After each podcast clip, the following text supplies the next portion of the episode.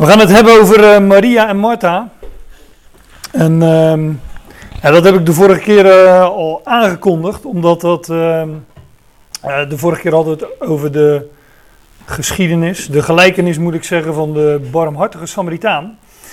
En toen heb ik gezegd van, ehm, dat ik eigenlijk deze geschiedenis wilde bespreken, maar dat ik zoiets had van ja, die, die twee. Ehm, die twee geschiedenissen die, uh, die hebben toch al uh, wat met elkaar te maken. Dus toen dacht ik van nou laat ik dan eerst gewoon de barmhartige Samaritaan bespreken. En dan uh, de week erna de geschiedenis van Maria en Martha.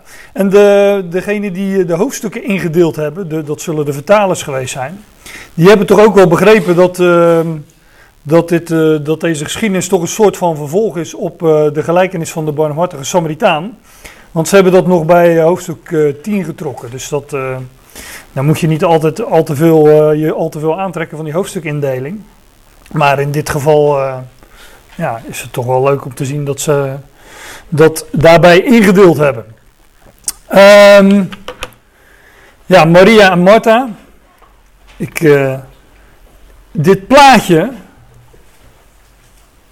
daar heb ik al een paar keer naar zitten kijken. Ik denk van ja, het echt, dat, ja, ik weet niet wat, die, wat diegene die uh, dit getekend heeft, wat hij daarbij bedacht heeft en wat hij geweten heeft van de, ja, toch ook de betekenis van uh, wie Maria is en wie Martha is. Maar dit is natuurlijk uh, Maria, die we in die geschiedenis tegenkomen. En um, zij zit aan de voeten van de Heer en zij, zij luistert naar zijn woord. Wat ik zo mooi aan, dit plaatje vind. Kijk, Maria zal zijn uh, gezicht wel zien. Maar voor een, uh, voor een uh, ander publiek is zijn aangezicht toch verborgen, om het zo te zeggen. En ik denk, ik, weet, ik, weet niet of jullie het Oude Testament een beetje kennen. Maar daar staat dat God zegt dat hij zijn aangezicht zou verbergen. En um, wij leven in de tijd dat God zijn aangezicht verbergt hè, voor het Joodse volk, voor Israël. En zijn aangezicht, dat is ook zijn, zijn beeld, hè, zijn aangezicht en zijn beeld is, is Christus. En hij is de verborgen Christus. En uh, Maria is een, uh, ja, daar komen we straks nog wel op, is ook een beeld van, uh, van de Ecclesia. En ehm, ja, zij horen wel naar zijn, zij hoort naar zijn woord. Nou, ik kan nog veel meer over het plaatje vertellen, laat ik dat niet doen, laat ik gewoon beginnen. Maar het zijn maar een paar versen van ehm, uh, het verhaal of de geschiedenis van Maria en Martha. Die wil ik eerst even lezen voordat we ze uh, langzaam, vers voor vers, uh, zinsdeel voor zinsdeel, eventueel woord voor woord, doornemen. Lucas 10 is dat, ja, vanaf vers 38. En in hun gaan kwam hij een zeker dorp binnen. Een zekere vrouw, Martha geheten, ontvangt hem gastvrij in haar woonhuis. En deze had een zus genaamd Maria. En zij zit aan de voeten van de Heer en zij luisterde naar zijn woord. Maar Martha werd afgeleid door het vele bedienen. En ze gingen bijstaan en zij zei: Heer, deed het jou niet dat mijn zus mij alleen laat bedienen? Zeg dan tot haar dat zij mij komt helpen. Maar de Heer antwoordt en hij zei tegen haar: Martha, Martha, jij bent bezorgd en je maakt je druk over vele dingen. Maar één ding is nodig. Want of en Maria kiest het goede deel uit dat niet van haar zal worden afgenomen. Nou, tot zover. Dit, uh, dit is alles, zeg maar, wat wij uh, gaan bespreken. En uh, ja. ik wil hier nog geen punt. ik wil in die zin hier nog geen punt gaan zetten, maar dit is toch een, een vrij beknopte geschiedenis, dat zullen jullie wel met me eens zijn. Laten we eerst nog even uh, ook het geheugen opfrissen waar, uh, voor wat betreft uh, de vorige keer waar we het over hadden. Vorige keer hadden we het over de gelijkenis van de barmhartige Samaritaan. Dat is dus het voorgaande in de versen 25 tot 37. Daar waren jullie bijna allemaal bij. Bijna allemaal. huh? Oh, jij was er ook niet bij natuurlijk. Nee, toen zat jij... Uh... Dat is de tweede week, ja, ja vandaar. Ja, ja. Ik dacht al... Uh... Ja, ehm, ik, kan er niet, ik kan niet alles gaan herhalen wat ik vorige week gezegd heb, maar even de, de, de, de, hoofdsom der dingen, zoals Paulus dat in de Hebreeënbrief zegt, even de hoofdsom der dingen er even uithalen. Want ja, dat, dat, moet ik eigenlijk wel doen, want die, deze gelijkenis van de barmhartige Samaritaan, dat heb ik uh, vorige week zondag ook gezegd, is het wellicht het bekendste verhaal in de Bijbel. Hè? En, uh, niet alleen binnen het christendom, maar ook uh, daarbuiten weet men over het algemeen wel iets van dit verhaal, van deze gelijkenis. Maar ik heb vorige week ook gezegd, en ik denk dat ik dat ook wel heb laten zien, dat de strekking van deze gelijkenis volstrekt onbekend is. Want deze gelijkenis wordt altijd, mag ik niet zeggen, want uh, uh, ik zal, maar dan toch wel bijna altijd, wordt deze gelijkenis gebruikt om uh, mensen of om gelovigen of om ons aan te sporen dat we vooral zo goed voor onze naasten zouden zijn, zoals die Samaritaan dat was. En dat heb ik vorige week ook gezegd, daar is helemaal niets mis mee. Hè. We zouden goed doen aan alle, in het bijzonder aan de huisgenoten van het geloof, zegt Paulus ook. Maar daar gaat deze gelijkenis niet over, primair. Want de gelijkenis die Jezus hier vertelt, is een antwoord op een vraag van een wetgeleerde. En die wetgeleerde die komt naar Jezus toe en die zegt: Wat moet ik doen om. Ja, ik heb het hier uh, ingekort, maar hij zegt uh, letterlijk: Wat moet ik doen om Ionisch leven als lotsdeel te ontvangen? Wat moet ik doen om, anders gezegd, zoals staat het in de vertaling, om het eeuwige leven te beërven? nou, wat moest hij doen? En Jezus antwoordt hem dan, dus hij, zegt, hij heeft het tegen de wetgeleerde, dus hij zegt dan ook van nou, uh, wat zegt de wet? En dan laat hij het hem zelf uh, opzeggen. En dan zegt hij, uh, gij zult de Heer, Jawij, uw God liefhebben met geheel uw ziel, met geheel uw kracht en met geheel uw verstand. En alles wat in u is. En uw naaste als uzelf. Dat is wat die wetgeleerde dan oplepelt als antwoord. En dan zegt Jezus, nou, klopt, je hebt recht geantwoord. Doe dat en je zult leven. Je zult dat Ionische eeuwige leven als lotsdeel ontvangen. Maar dan staat er dat hij zichzelf wil rechtvaardigen. Hij was dus niet recht. Hij had recht geantwoord, maar hij was niet recht. En dan vraagt hij: Wie is mijn naaste? Hij had namelijk iemand tegenover hem staan, die volgens, ook, eh, die volgens de wet, de, de, de wet van Mozes, zijn naaste was, namelijk zijn volksgenoot. En die had hij niet lief. Want hij, hij stond daar om Jezus te verzoeken. Dus wie is mijn naaste, vraagt hij dan. En dan geeft Jezus als antwoord. Een zeker mens daalde af van Jeruzalem naar Jericho en viel, en viel in rovershanden. Nou, en, uh, we kennen de geschiedenis. Hij bleef er half dood liggen. Enzovoort, enzovoort. En dan komt er een, uh, uh, een leviet langs en een priester. En die lopen aan de overkant voorbij met een grote boog eromheen. Die helpen hem niet konden dat ook niet, heb ik vorige week uitgelegd. En dan komt die Samaritaan langs en die, die helpt hem wel. Maar uit alles blijkt in die geschiedenis, maar ook hoe zij, hoe, die, die Joodse leidslieden Jezus zagen, ze noemden hem ook een Samaritaan. Het gerucht ging ook dat hij een Samaritaan was, namelijk een, een bastaard. Maar dat is een, uh, ik heb het vorige week opgenomen, dus als je dat nog eens terug wilt luisteren, dan uh, kan dat. Maar de Samaritaan is een beeld van Christus. En die naaste die die wetgeleerde lief zou hebben, is dan ook Christus. Is degene die voor hem stond. En dat maakt Jezus duidelijk met deze, uh, met deze gelijkenis van de Samaritaan. En de vraag was: wat moet ik doen om Ionisch eeuwig leven te ontvangen? God liefhebben en je naaste als jezelf. En dan vraagt die wetgeleerde, wie is mijn naaste? En dan zegt Jezus eigenlijk door die gelijkenis van die barmhartige Samaritaan, die naaste dat ben ik. En, en, de, en, en het antwoord, wat moet ik doen om mijn Jonisch leven te ontvangen, is niet uh, als die barmhartige Samaritaan je naaste helpen. Uh, die want want het, dat kunnen wij helemaal niet. He, iemand die half dood is weer... Uh, tot leven brengen. Want daar gaat het uiteindelijk over. Want die wetgeleerden die, uh, zijn vraag is: wat moet ik doen om een Ionisch leven te ontvangen? Dus hij wist wel, als het zo loopt zoals het nu loopt, ja, dan ik ben sterfelijk, dus dat eindigt in de dood. Hij wist, ik heb, ik heb leven nodig uit een andere bron. Nou, wat, wat, wat, wat moet ik dan doen? Nou, God liefhebben en je naaste als jezelf. En die naaste is Christus. En de vraag aan die wetgeleerde is dan ook: wie is de naaste geworden van degene die in rovershanden is gevallen?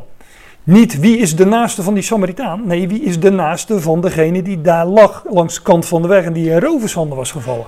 En dan zegt die wetgeleerde, ja, degene die hem barmhartigheid bewezen heeft, want hij kon niet uit zijn strot krijgen, de, die Samaritaan. En dan zegt Jezus, doe jij ook zo.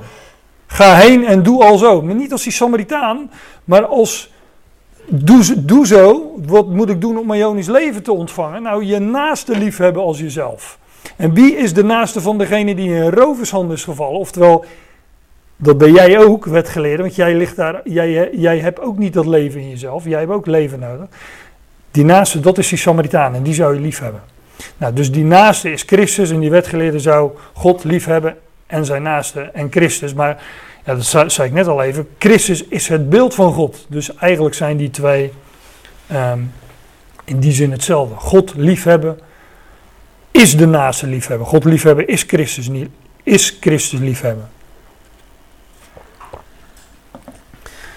Nou, dat even ehm, wellicht wat, wat, wat kort. Hm?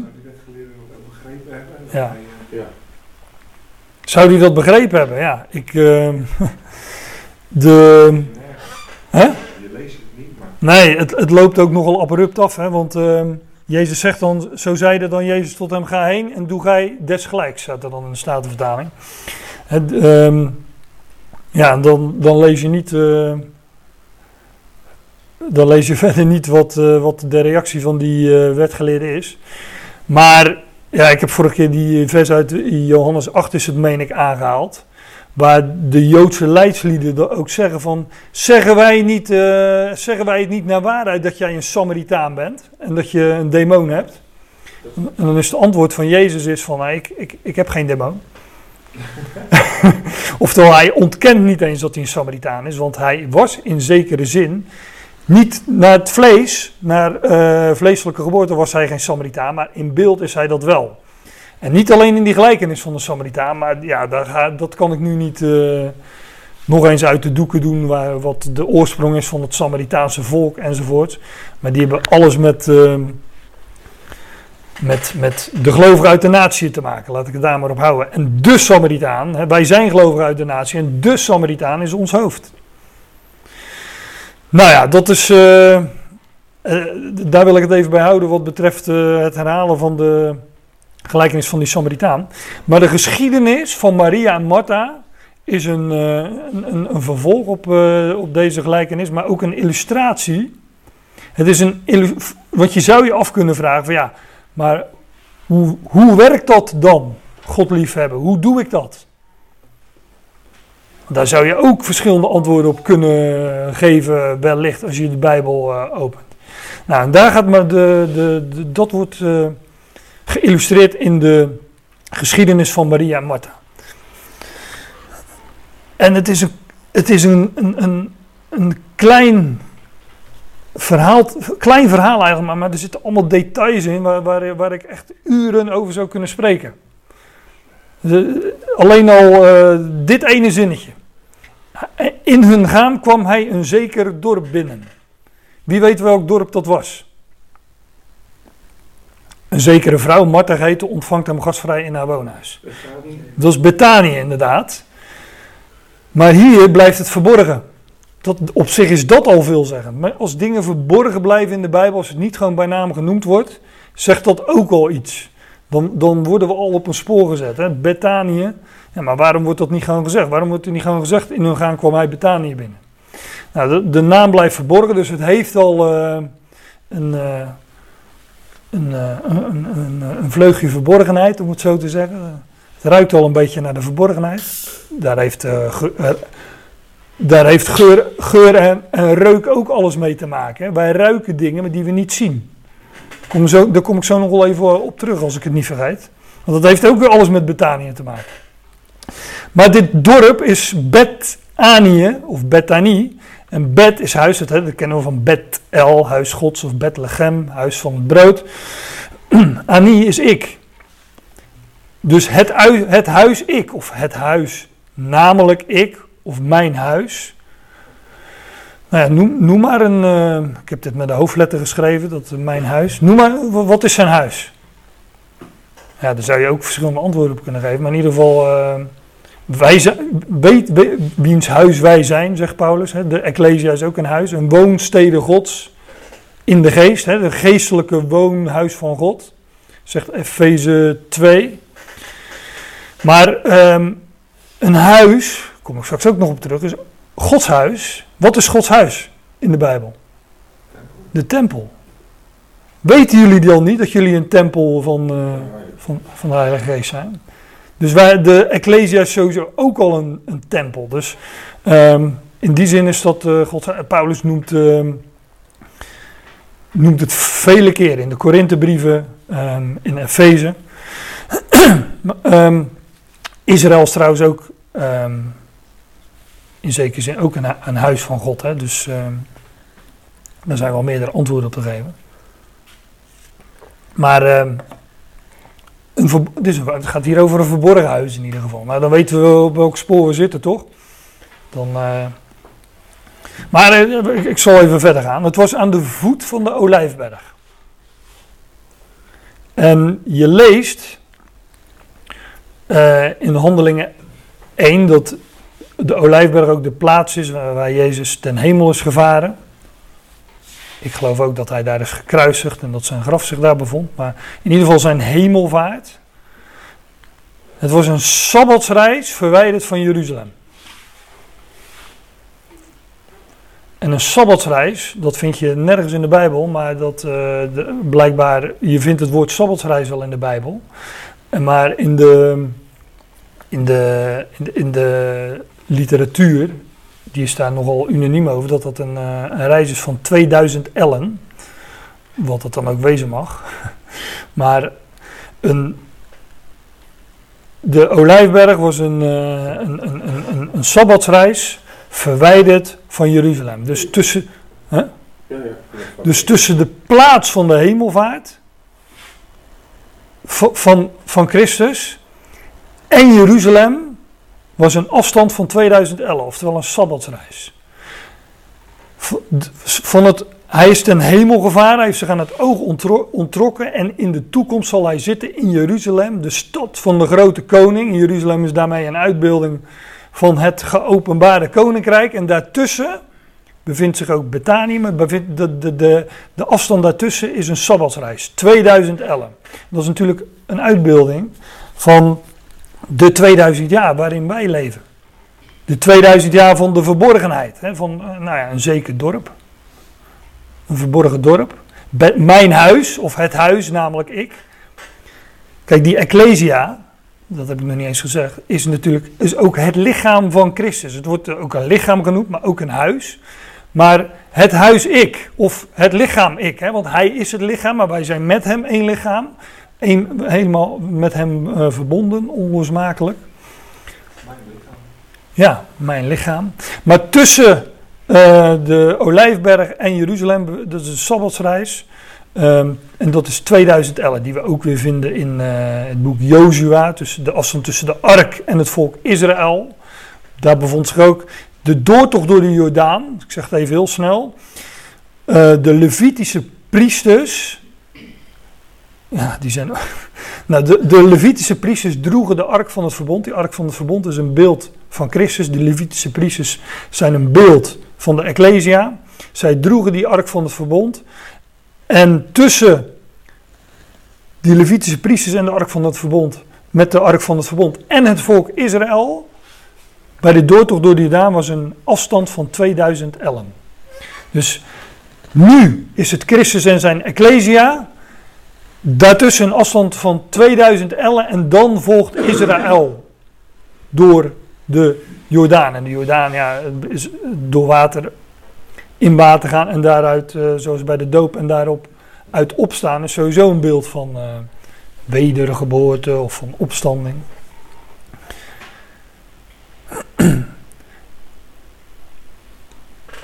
Even nog op een zijlijntje, want ik noemde nu die levieten. En dan moet ik gelijk ook weer denken, die levieten die kregen, ehm, die kregen wat uh, vrijsteden, maar die kregen ook grond.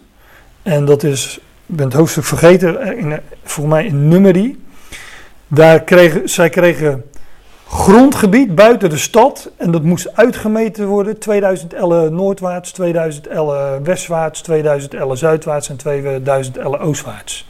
Dus zij kregen ook een grondgebied buiten de legerplaats. En dat heeft ook alles met die 2000 ellen te maken. Dus die Levitische priesters, die zijn ook een beeld van de Ecclesia en de 2000 ellen, 2000 jaar. Die, uh, en dat bevindt zich allemaal buiten de legerplaats, buiten Jeruzalem. Als, als uitbeelding ook van, um, uh, van die Sabbatsreis. Pas na een Sabbatsreis, dan volgt het geopenbaarde koninkrijk. Ik probeer nu heel veel te zeggen in een hele korte tijd, maar dat is een beetje lastig. Ik hoop dat, uh, dat jullie het allemaal in ieder geval een beetje mee kunnen, op kunnen pikken. Dat is ook, je leest dat Jezus, als hij in Jeruzalem was, trok hij zich s'nachts terug in Betanië, aan de voet van de Olijfberg. Maar de nacht is ook weer een beeld van de tijd waarin wij leven. Want straks zal de zon der gerechtigheid opgaan, dan zal de dag des Heren, de dag van Jehovah, van mij de dag van Christus aanbreken. Maar dan, dat is ook weer een, een, een, de zon der gerechtigheid die opgaat. En over um, de zomer in Matthäus 24 is ook weer een beeld van het geopenbaarde koninkrijk. Maar nu is het nacht. Alles is verborgen, de wereld leeft in duisternis. Maar straks zal heel die schepping gevuld worden met licht. Dus in, op heel veel manieren is, de, is dat Betanië een uitbeelding van de tijd waarin wij leven, van de verborgenheid van uh, de Ecclesia. Nou, daar valt nog meer over te zeggen, maar dat doe ik nu niet. In hun gaan kwam hij een zeker dorp binnen. Een zekere vrouw Martha geheten ontvangt hem gastvrij in haar woonhuis. Wij weten uit andere schriftplaatsen dat Maria en Martha daar woonden met hun broer Lazarus. En die kennen we allemaal toch?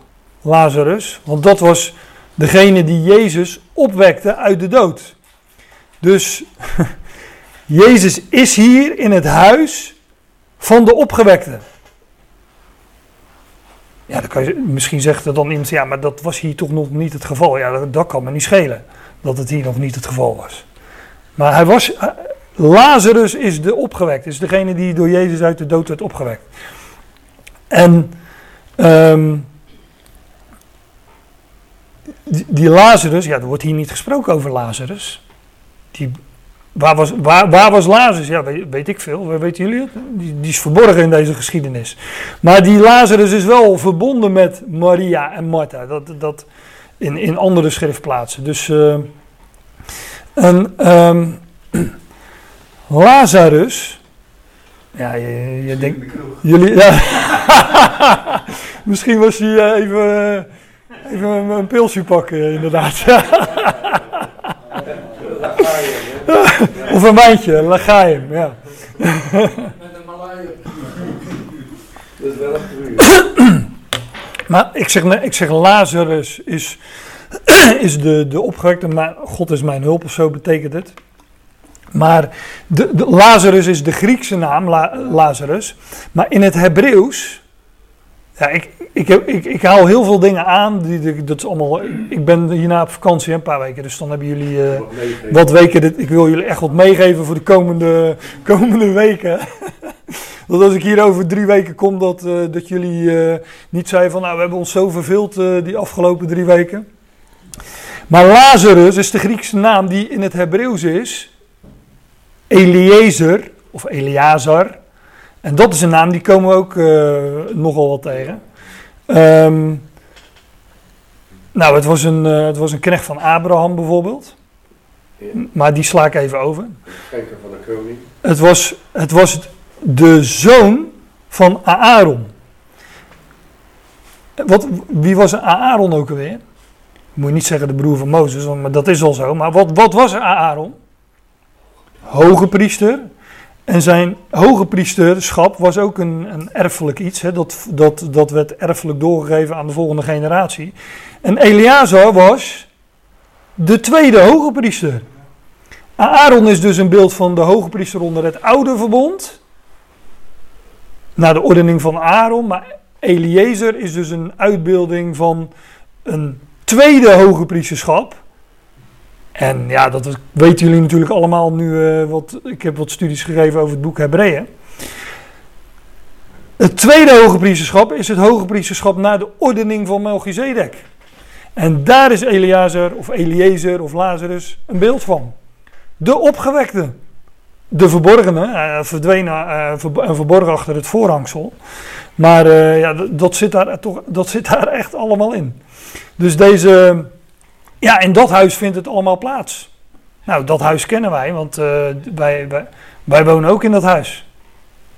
Hè? Of weten jullie, nou nogmaals, of weten jullie niet dat jullie een, uh, een tempel van, uh, van, van hem zijn? Hoe, hoe staat het er precies, een tempel van de geest? Een zekere vrouw, Martha heette, ontvangt hem gastvrij in haar woonhuis. En deze had een zus genaamd Maria. ja, kennen jullie die, Maria? Ja, Mirjam.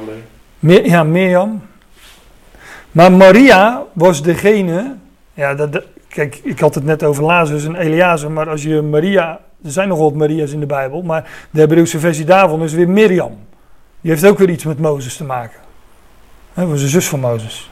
Nou, die, uh, daar hebben we het misschien een andere keer weer eens over. Maar nu uh, laat het even bij deze Maria houden. Maria was degene die de voeten van Jezus gezalfd had met olie. Salven in het Hebreeuws is gewoon uh, Mashiach. Dus Maria had Jezus, van Jezus een Messias gemaakt, zou je kunnen zeggen. Dat is natuurlijk ook wat het uitbeeldt. En dan lees je dat, dat zij dat deed met een kostbare olie en dat de geur van die olie het hele huis vervulde. Daarom zeg ik net, geur spreekt van geestelijke dingen. Zeker als het de geur van olie is. Want olie is, nou, daar hadden we het vorige keer over. Hè, die uh, Samaritaan die uh, goot olie in de wonden van die, uh, van die man die in rovershanden was gevallen. En dat is een beeld van, van geest, van leven, van vitaliteit enzovoort. Maar Maria was degene die Jezus voeten gezalfd had met olie. En zij is daarmee zij ook een beeld van, uh, uh, van de Ecclesia. Ik zal, ik straks nog wel op terugkomen. In deze geschiedenis, die we van die zalving van. Dat was, ook in Bethanië. De zalving in, Bet, in Bethanië heet het dan ook uh, meestal in de. In, ik wil zeggen in de volksmond, maar laat ik zeggen in het Bijbels jargon. Of in het christelijk jargon. Maar dan lees je dat zij de voeten van Jezus zalft. En er was iemand die schoot daar in de weerstand. En dat was? Nee, dat is niet. Nee, nee ook niet. Judas. Oh ja, die zei. Of moet ik zeggen Juda? Op zijn Hebreeuws. Dus Maria was degene die de voeten van Jezus zalfde. Hè. Zij erkende hem daarmee als Messias. Zij, was daarmee een, zij is daarmee een beeld van de, van de Ecclesia. Hè. Uh, die de Messias als eerstelingen erkennen. En het was Juda, uh, Judas, het Joods, een beeld van het Joodse volk, die dat niet kon hebben.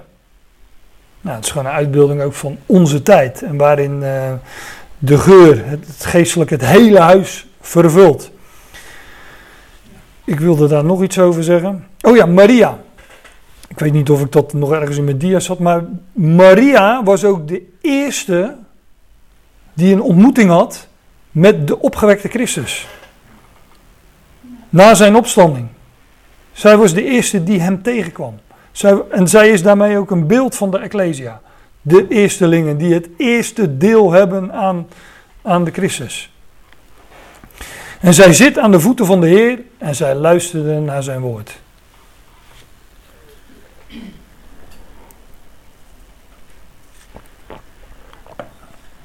Oh ja, ik had het er toch wel in staan. Het was een andere Maria, die heette Magdalena, maar ja, dat, eh, die, namen. Maria's. Hè? Die waren allebei toch bij het graf? Ja, eh, zij, zij als eerste. En eh, ja, je moet echt die evangelie naast elkaar leggen en in elkaar schuiven om tot een reconstructie te komen. Maar door de. Hoeveel Maria's waren daar wel niet bij betrokken? Een stuk of vier, vijf, meen ik. Maar dat. ehm, dat is een, eh, een hele puzzel. Nou, zij zit aan de voeten van de Heer en zij luisterde naar zijn woord. Ja, dat is ook wat, wat wij doen. Wij zitten aan zijn voeten en wij luisteren naar zijn woord. God, spre- God heeft voortijds veelmaal op veel wijze tot de vaderen gesproken in de profeten, zegt uh, Hebreeën 1. In deze laatste dagen spreekt hij tot ons in of door de Zoon. Maar Martha werd afgeleid door het vele bedienen. Ja, dat is altijd ook die. ehm, je, je kan dat natuurlijk heel. ehm, ehm, qua betekenis ook heel. eh, hoe, zeg, ik dat? Plat opvatten. Dat, dat is ook altijd. ja, ik weet niet of ik over een strijd mag spreken, maar de, eh, eh, het gaat altijd over werken of, werken of geloof. Moet, moeten we nou nog wel doen? Nou ja, gewoon aan zijn voeten zitten en luisteren. Maar Martha, die gelovig heb je ook, die werd afgeleid door het vele bedienen.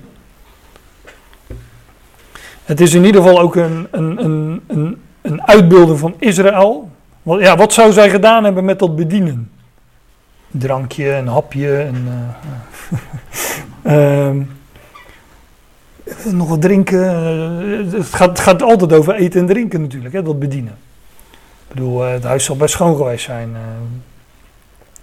Maar ehm, ook hè, werken versus geloof, maar ook onder het oude verbond moest er van alles gebeuren. Moesten maaltijden klaar, klaargemaakt worden voor de Heer. En, eh, een spijsoffer en een drankoffer en zus en zo. Het is ook allemaal werken en bedienen. Hè. Dienstwerk heet het dan ook. Nou, daarom zeg ik, vergelijk die spijsoffers. Martha heeft ook iets met, eh, met Israël en het oude verbond te maken. Ja, Martha, dat, dat is een religie ook, hè? die geeft iets aan de Heer. Die geeft iets wat voor zijn mond bestemd is. Maar wat deed Maria? Die nam, aanvaarde wat uit zijn mond voortkwam. Want zij luisterde naar zijn woord. Dat is het verschil. Martha wilde maar geven. En Maria die wist van, nee, ja, eh, ik heb hem niks te bieden. Ik, ik, ze zat aan zijn voeten en ze luisterde naar zijn woord. Nou, alleen dat is natuurlijk al een voorbeeld voor ons. Hoe wij eh, als gelovigen of als christen eh, onze weg zouden gaan. Wat, wat moeten we dan doen? Nou ja, gewoon aan zijn voeten zitten en luisteren naar zijn woord. Daar gaat het om. Martha werd afgeleid door het vele bedienen. Dus zij kreeg niet zoveel mee van wat de, wat, wat, wat de Heer... eh, De Heer had heel te vertellen natuurlijk. En Maria wist dat en die, luis- die zat aan zijn voeten en ze luisterde naar zijn woord. Maar Martha die had het met, druk met allemaal... Ja, maar we moeten toch ook... Nou ja, vul het maar in. Dat hoor je toch... eh, ik heb dat ook wel... Ja, maar we moeten toch ook... eh, zoals die Samaritaan gaan doen en onze naasten gaan helpen. Ja, dat, dat kan, maar... hè, er is ook niks mis mee, heb ik vorige keer ook wel. Maar eh, hier wordt, eh, wat hier wordt gezegd van. Maar, en dat, is le- Maria heeft het goede deel gekozen. Ze luisterde naar zijn woord. Wat wil je zeggen? Ja, het leidt af, ja. Het leidt af van waar het werkelijk eh, om gaat. Er zijn heel veel dingen die afleiden van waar het werkelijk om gaat. Ja. In de gelijkenissen in Matthäus 13, hè, waar dat zaad wordt gestrooid, daar heb je ook eh, onkruid, wat het, eh, het goede zaad overwoekert. En dat wordt, dat wordt ook genoemd de zorgvuldigheden, dat is gewoon de statenvertaling, maar die zit een beetje in mijn hoofd altijd. De zorgvuldigheden van deze aion. Wat is er allemaal in deze aion wat afleidt? Ja, eh, van alles en nog wat. Maar het is onkruid. Het verstikt. En Martha werd afgeleid door het vele bedienen. En zij ging erbij staan en zij zei... Heer, deed het jou niet dat mijn zus mij alleen laat bedienen? Dus Maria kreeg niet op, de, eh, eh, op haar kop van, eh, van Martha. Maar, Jezus kreeg op zijn... Op, eh, die, die, eh, die werd aangesproken. Jezus werd aangesproken door Martha van, uh, zeg dan tot haar dat zij mij komt helpen. En naar de mens gesproken is, is hier best wat voor te zeggen, toch? Best wel, nou ja, die, die Maria die blijft daar maar lekker zitten. En uh, Martha die, uh, die zorgt voor de drankjes en de hapjes. Het kan toch ook een beetje, laat Martha nu eens even een beetje tot rust komen dat Maria de dingen gaat doen, weet je wel. Ik bedoel, dat kunnen, kan je allemaal best naar de mens gesproken onderbouwen. Maar dat is niet wat Jezus als antwoord geeft. Heer, dit jou niet dat mijn zus mij alleen laat bedienen. Zeg dan tot haar dat zij mij komt helpen. He, Jezus wordt aangespoord om Maria aan het werk te zetten. Doe ook eens wat. ja. Doe ook eens wat. Nee, la, laat haar ook eens wat doen. He, dat is het eigenlijk. Maar de Heer antwoordt en hij zei tegen haar: Martha, Martha. Nou, als je naam twee keer klinkt in de Bijbel, dan is er wat aan de hand. Dat is nadruk. Let op, let op. Martha, Martha, jij bent bezorgd. En jij maakt je druk over vele dingen. Hè? Koffie, uh, appeltaart, cakeje, stroopwafels. Ja, ik zie dat zie ik allemaal staan. Bedankt hoor Inge. Dus, uh, dus geen verwijt hè. oh ja, Linda. Linda ook ja. Maar Jij bent bezorgd en jij maakt je druk over vele dingen, zegt eh, Jezus tot Martha. Maar één ding is nodig. Maar één ding is nodig. Wij kunnen toch ook, ja, maar dat is toch ook wel belangrijk? Nee. Het is toch ook wel belangrijk dat we dit en dat en zo. Nee, nee, nee, nee. Eén ding is nodig. Als het nou echt over gaat wat is er nou nodig? Nou ja, één ding is nodig. Maar één ding is nodig. Maria zat aan de voeten van de Heer en zij luisterde naar zijn woord. En dat is het enige wat echt nodig is. En ik begrijp, kijk, begrijp me niet verkeerd, dat wij luisteren, dat wij zitten aan de voeten van de Heer en luisteren naar zijn woord, dat kan ons wel in beweging zetten om bepaalde dingen te doen. Maar het is niet het is niet andersom. Hè? Ik bedoel, uh, natuurlijk. Uh, wanneer, wanneer je zit uh, aan de voeten van de Heer en je luistert naar zijn woord en je ziet dat je naast een gebrek hebt, dan, dan, ja, dan kan je inderdaad handelen als die, die Samaritaan en je naaste helpen. Waarbij ik meteen aan moet merken dat wat die Samaritaan deed, dat wij dat niet kunnen. Hè? Maar dat, daar heb ik vorige keer. Hè? Iemand die, die daar ligt te sterven. Die, wij hebben geen macht over, over de dood. Maar één ding is nodig. Dus, Maria zat daar. En zitten is ook een positie van rust. Hè? Noem nog eens iemand die zit. Hm? Ja. Ja. Christus zit aan Gods rechterhand. Het is een positie van rust. Hij is daar gezeten, uh, ook de Hebreeënbrief meerdere keren, maar dat is weer aangehaald uit Psalm 110 en dat vind je de, al Paulus brieven, gezeten aan Gods rechterhand in, de, aan, de majesteit, in de, hoogste hemelen, of weet ik veel op hoeveel verschillende manieren het er staat, maar dat is een positie van rust. Hij rust nu en wij zijn in hem en met hem en hij is ons, uh, hij is de overste leidsman, hè, onze onze, um, ons voorbeeld. En hij is een positie van rust, dus wij zouden ook rusten. Hij heeft het werk gedaan.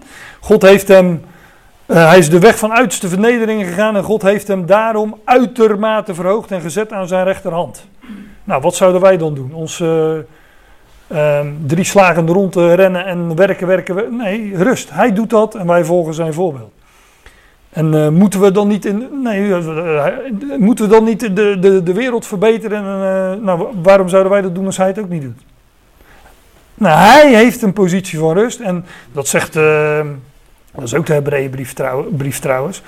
Alle dingen zijn hem onderworpen, maar nu zien wij nog niet dat hem alle dingen onderworpen zijn. Maar er is niets uitgesloten dat hem niet onderworpen is. Maar nu zien we dat nog niet. Het wachten is totdat hij alle vijanden gaat onderschikken. Nou, dat eh, schiet al aardig op, dus zo lang hoeven we ook niet meer te wachten. Maar tot die tijd eh, heeft hij die positie aan Gods rechterhand in rust. In dat volbrachte werk. En Maria die wist eh, daar iets van en die zat aan zijn voeten en luisterde naar zijn woord. Er zit dus trouwens ook een positie van onderwijs ontvangen. Sommigen gaan er af en toe bij staan, maar, uh, maar in principe is het uh, zitten. Ja, als je onderwijs ontvangt, dan, dan ga je er eerst eens even lekker rustig voor zitten. Nou, zo deden wij dat op school ook, maar. ja. Dan ben jij eruit gestuurd. ja, ja, daar hadden we het net al even over. Maar laten we mijn mijn schoolcarrière niet als voorbeeld nemen voor deze dingen. maar, één, maar één ding is nodig.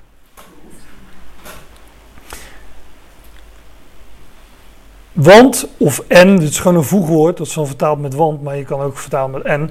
Want en Maria kiest het goede deel uit. Dat niet van haar zal worden afgenomen. Dus alles wat zij ontvangt, wat zij tot zich neemt, dat zal ook niet meer van haar worden afgenomen. Met andere woorden ook, dat wat, dat, als het gaat om werken versus geloof, die werken, die, dat, dat zal allemaal tot niets leiden en het zal ook nog eens weggenomen worden. Hè. Denk, morgen heb je weer honger. Ja, morgen heb je weer honger, dat sowieso, dus dat is, het is allemaal korte termijn. Maar ook als je de diepere betekenis erachter neemt, wij zullen allen geopenbaard worden voor het podium van Christus. En daar zal, uh, dat, dat is 2 Korinthe 5, maar in 1 Korinthe 3, die haal ik altijd graag aan. Daar staat dat wat God door ons lichaam heeft gedaan. Nee, wat, wat wij daar hebben gedaan, laat ik het zo zeggen, zal daar beproefd worden als door vuur. En wat eigen werk was, dat wordt daar voorgesteld als hout hooi, stro, of nee, houten delen, hè, constructies, filosofieën en mooie constructies. Maar dat zal allemaal verbranden en weggedaan worden. En wat overblijft is goud, zilver en kostbare stenen als uitbeeldingen van het onvergankelijke. Zilver, de losprijs, goud van koningschap, van onvergankelijkheid. Nou, en de, de edelstenen, de veelkleurige wijsheid van God. Dat is wat blijvend is. En dat, dat is het goede deel. En het ja, het niet goede deel. Dat, dat, het verdwijnt allemaal. En ja, ook, uh, ook de maag is maar betrekkelijk natuurlijk, hè, de buik. Dat, uh, wat jij net zegt, dat morgen heb je weer honger. Nou, nog eerder meestal, maar... Maria kiest het goede deel uit en dat zal niet van haar worden afgenomen. Dat brengt me bij het volgende. Dit is een citaat uit Psalm 27.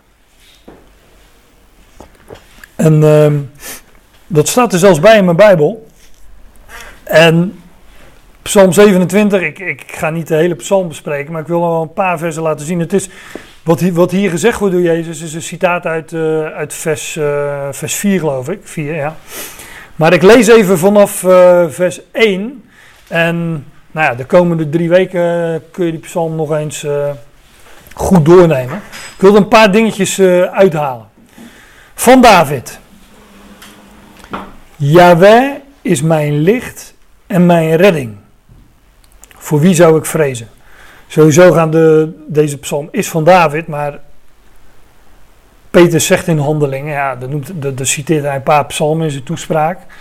En dan zegt hij van um, David, het gaat, dat gaat daar ook over um, nou, daar ga ik niet. Nou, daar gaat, het gaat erover. De, eh, Peter zegt dan van ja, David wist dat hij een profeet was en dat hij sprak over de Messias.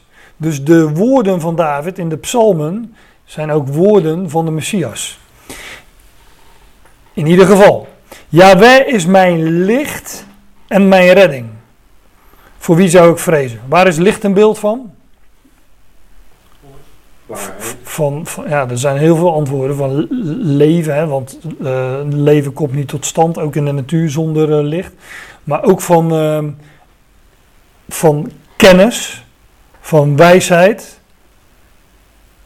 Hij gaat mij een lichtje op. Als, als een volk dat wandelt in duisternis, is namelijk een volk dat niet wandelt. Ik wandel in het licht met Jezus. Dat betekent dat je kennis hebt van Jezus. Dat, je met, uh, dat, dat, dat hij zijn licht laat schijnen over dingen. En dat jij, jij verlichte ogen hebt van het, uh, van het hart, zoals Efeze zegt. Dus dat heeft alles met, ook met zijn woord te maken. En, uh, het lijkt me ook niet voor niets dat Jezus deze psalm aanhaalt bij, tegen Martha. Want Maria was degene die zat aan de voeten van de Heer en luisterde naar zijn woord. Luisterde naar zijn wijsheid, naar zijn kennis. Jawel is mijn licht en mijn redding. Voor wie zou ik vrezen? ja, kennis, zicht. Maar zicht is uitzicht, inzicht, overzicht enzovoorts. Jawel is het bolwerk, stond in deze vertaling, van mijn leven. Voor wie zou ik bang zijn? Een bolwerk is een, uh, vesting. Dat wordt in, uh, ja, ik had zo'n concurrent view kunnen geven van uh, het ISA-programma. Maar door, in de MBG wordt dit woord vertaald met vesting, burcht, sterkte, bescherming, toevlucht. Yahweh is de vesting, burcht, sterkte enzovoort van mijn leven. Voor wie zou ik bang zijn?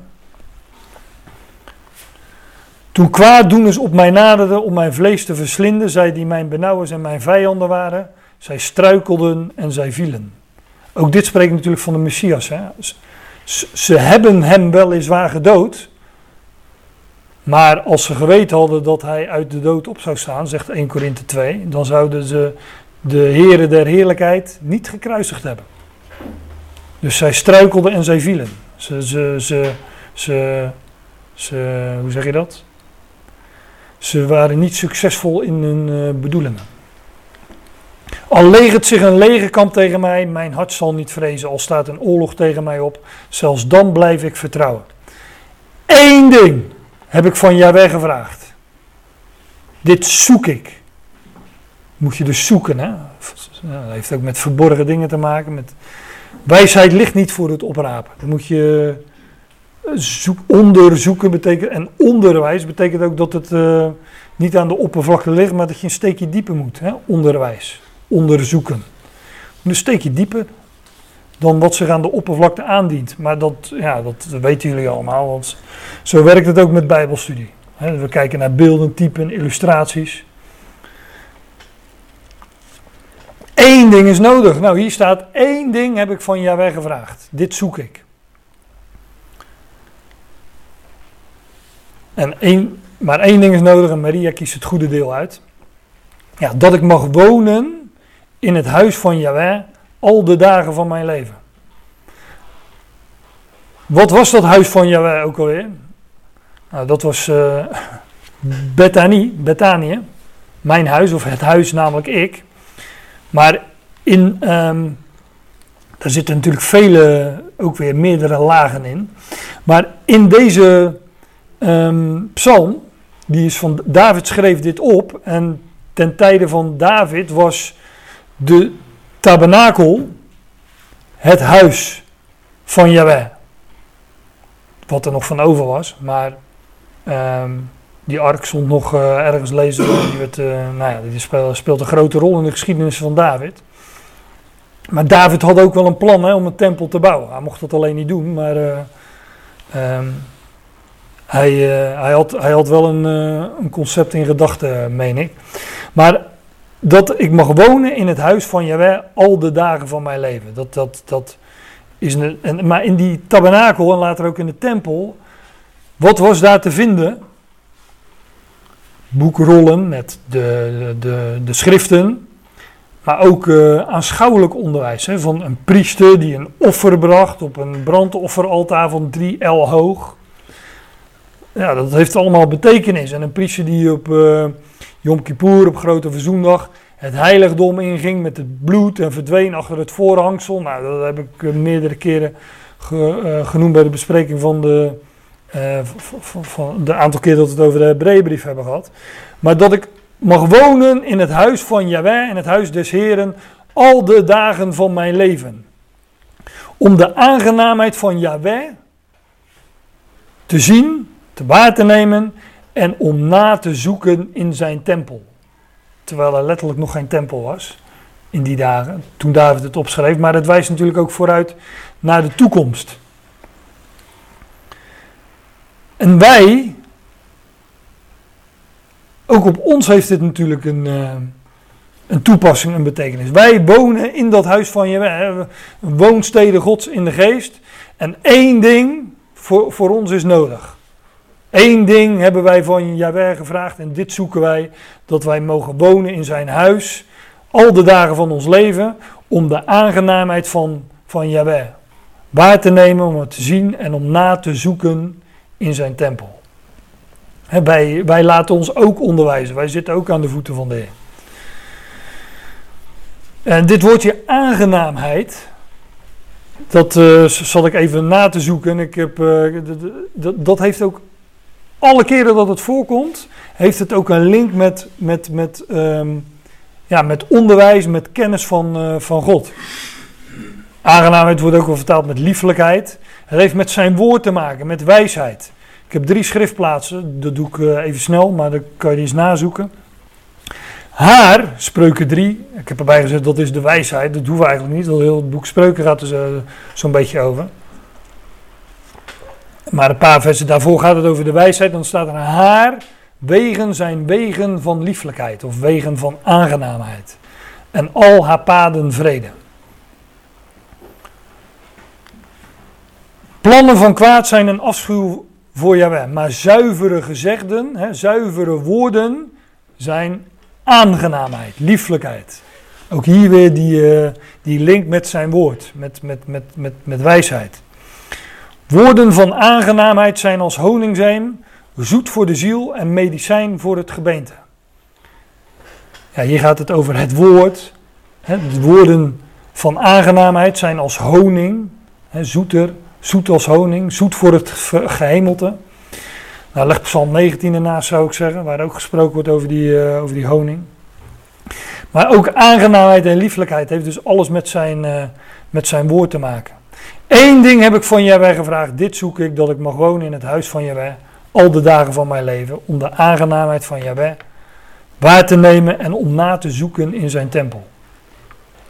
Ja, ik heb erbij de Ecclesia is ook een tempel. Hier heb je twee schriftplaatsen waar, uh, waar dat naar voren wordt gebracht. Een woonstede van God, een tempel. Overigens, uh,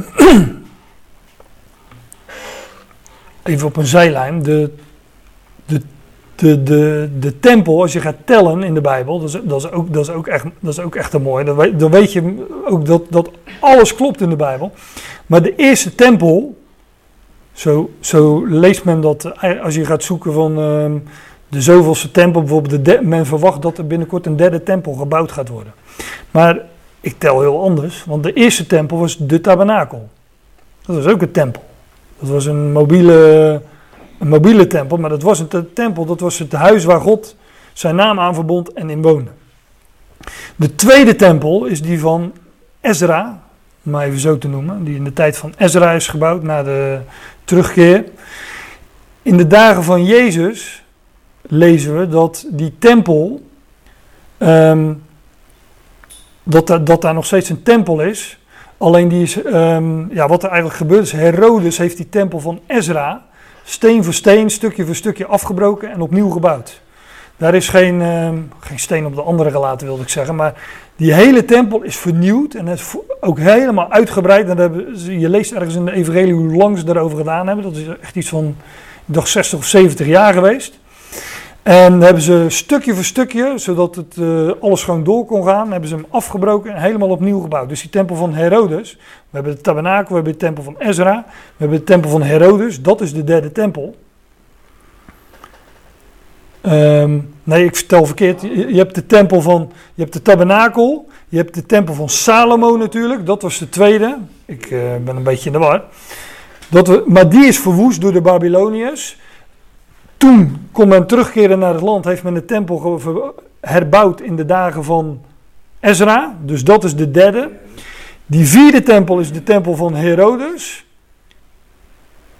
Waar is de vijfde? De gemeente. Dat is de Ecclesia. En dat klopt als een bus, want die heeft alles met, vijf heeft alles met genade te maken. En met verborgen dingen. Dus dat is de vijfde tempel Hè, want die, wordt- ja, de Paulus, en, eh, Paulus noemt het een tempel, de Ecclesia. Dus dat is de vijfde tempel. In de toekomst gaat er een zesde tempel gebouwd worden. En wie komt daarin te zitten en wie gaat zichzelf daarin als God laten vereren? Dat is de mens der wetteloosheid en die heeft alles te maken met die zes, maar ook met een zes, zes, zes. Dus ook die tempel is niet definitief, die zal ook worden afgebroken, daar zal geen steen op de andere gelaten worden. En in de duizend jaar, de, zeven, de zevende dag van duizend jaar, dan zal de zevende tempel gebouwd worden. En die, eh, die is blijvend. dus ook dat klopt weer eh, precies. Maar ja, dan moet je wel goed eh, tellen. Maar dat is wel mooi dat wij de vijfde tempel zijn.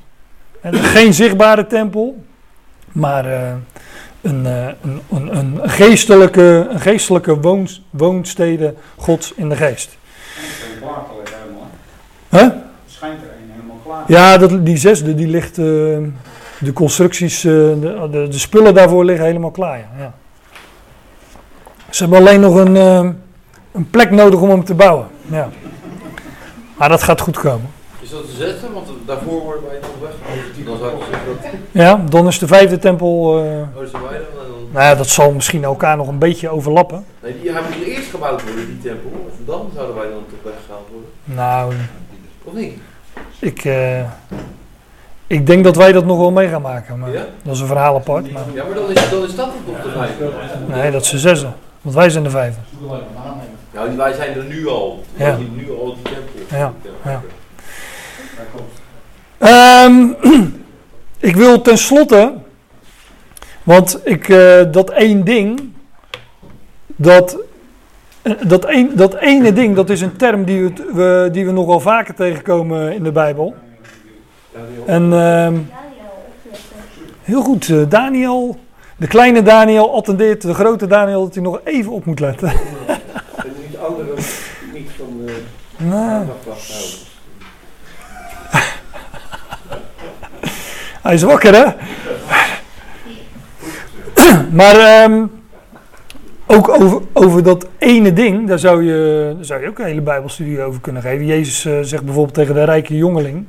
Die zegt van, de rijke jongeling, ehm, die komt naar hem toe en dan, ehm, dan zegt hij van, nou ik heb alles eh, gedaan wat ik moet doen. Hè, van mijn jongs, van mijn eh, jeugd af de wet gehouden en zo. Weet ik veel hoe hij het precies zegt. Dus eh, ja, wat nu? Eén ding ontbreekt jou. Verkoop alles wat je hebt en geef het aan de armen, zegt Jezus dan.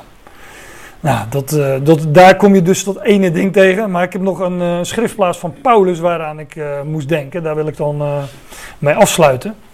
Want ook Paulus eh, noemt in de Filipijnsbrief één ding. En dan zegt hij, maar één ding. En het voorgaande, in het, in het, voor, in het voorgaande gaat het over, eh, over Martha. Wat hij dus in zijn jeugd, eh, de, hier is Saulus Paulus geworden, maar Paulus was ook een beetje, een beetje, Paulus was ook een Martha vroeger. Was ook veel aan het dienen. En dat noemt hij in uh, Filippenzen. En hij zegt van ja, ik was een Hebreeër uit Hebreeën, besneden op de achtste dag. En de rechtvaardigheid die in de wet is onberispelijk. Hij zegt maar, ik heb het allemaal verbeurd of schaderecht. Ik, heb het, ik, gooi het allemaal weg als vuilnis. Het, het betekent helemaal niets, zegt hij. En dan zegt hij maar één ding. Ook hier dat ene ding. Ik vergeet de dingen die achter mij zijn. Dat, dat, alles wat hij mee had, ook in zijn opvoeding en wat, wat status gaf en zo, heeft het allemaal van zijn rug af laten glijden en het, eh, het vergeten. Het verbeurd geacht. Eén ding. Ik vergeet de dingen die achter mij zijn en ik strek mij helemaal uit naar de dingen die voor mij zijn. Hij zegt niet eens van ik leef helemaal in het nu. Hè. Dat, is natuurlijk, eh, dat hoor je tegenwoordig ook veel.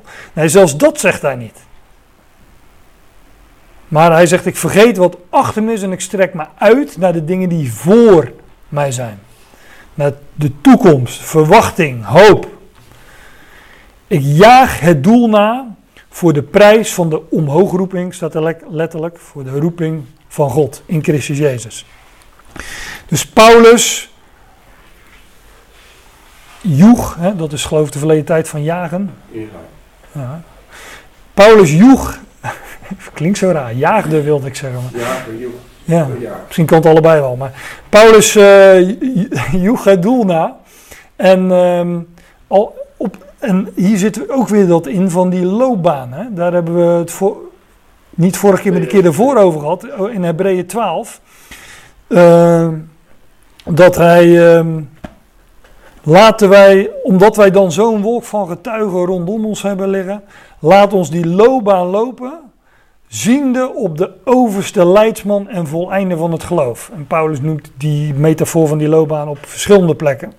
En hier is dat natuurlijk ook het idee. Ik jaag het doel na voor de prijs van de omhoogroeping, van de roeping van God in Christus Jezus. Want aan het einde van die loopbaan voor de, de Bama noemde ik al net al even, hè, het erepodium. Daar worden de prijzen uitgedeeld. En alles wat hout, hooi en stro is, dat verdwijnt. Ook daar mogen we God voor danken, want ook dat is genade.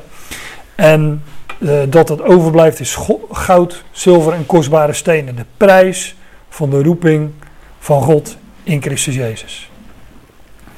En daar gaat het allemaal om in het leven. Eén ding is nodig. En uh, we zouden zitten aan de voeten van de Heer. En uh, doen als Maria en naar Hem luisteren. Amen, dan maar.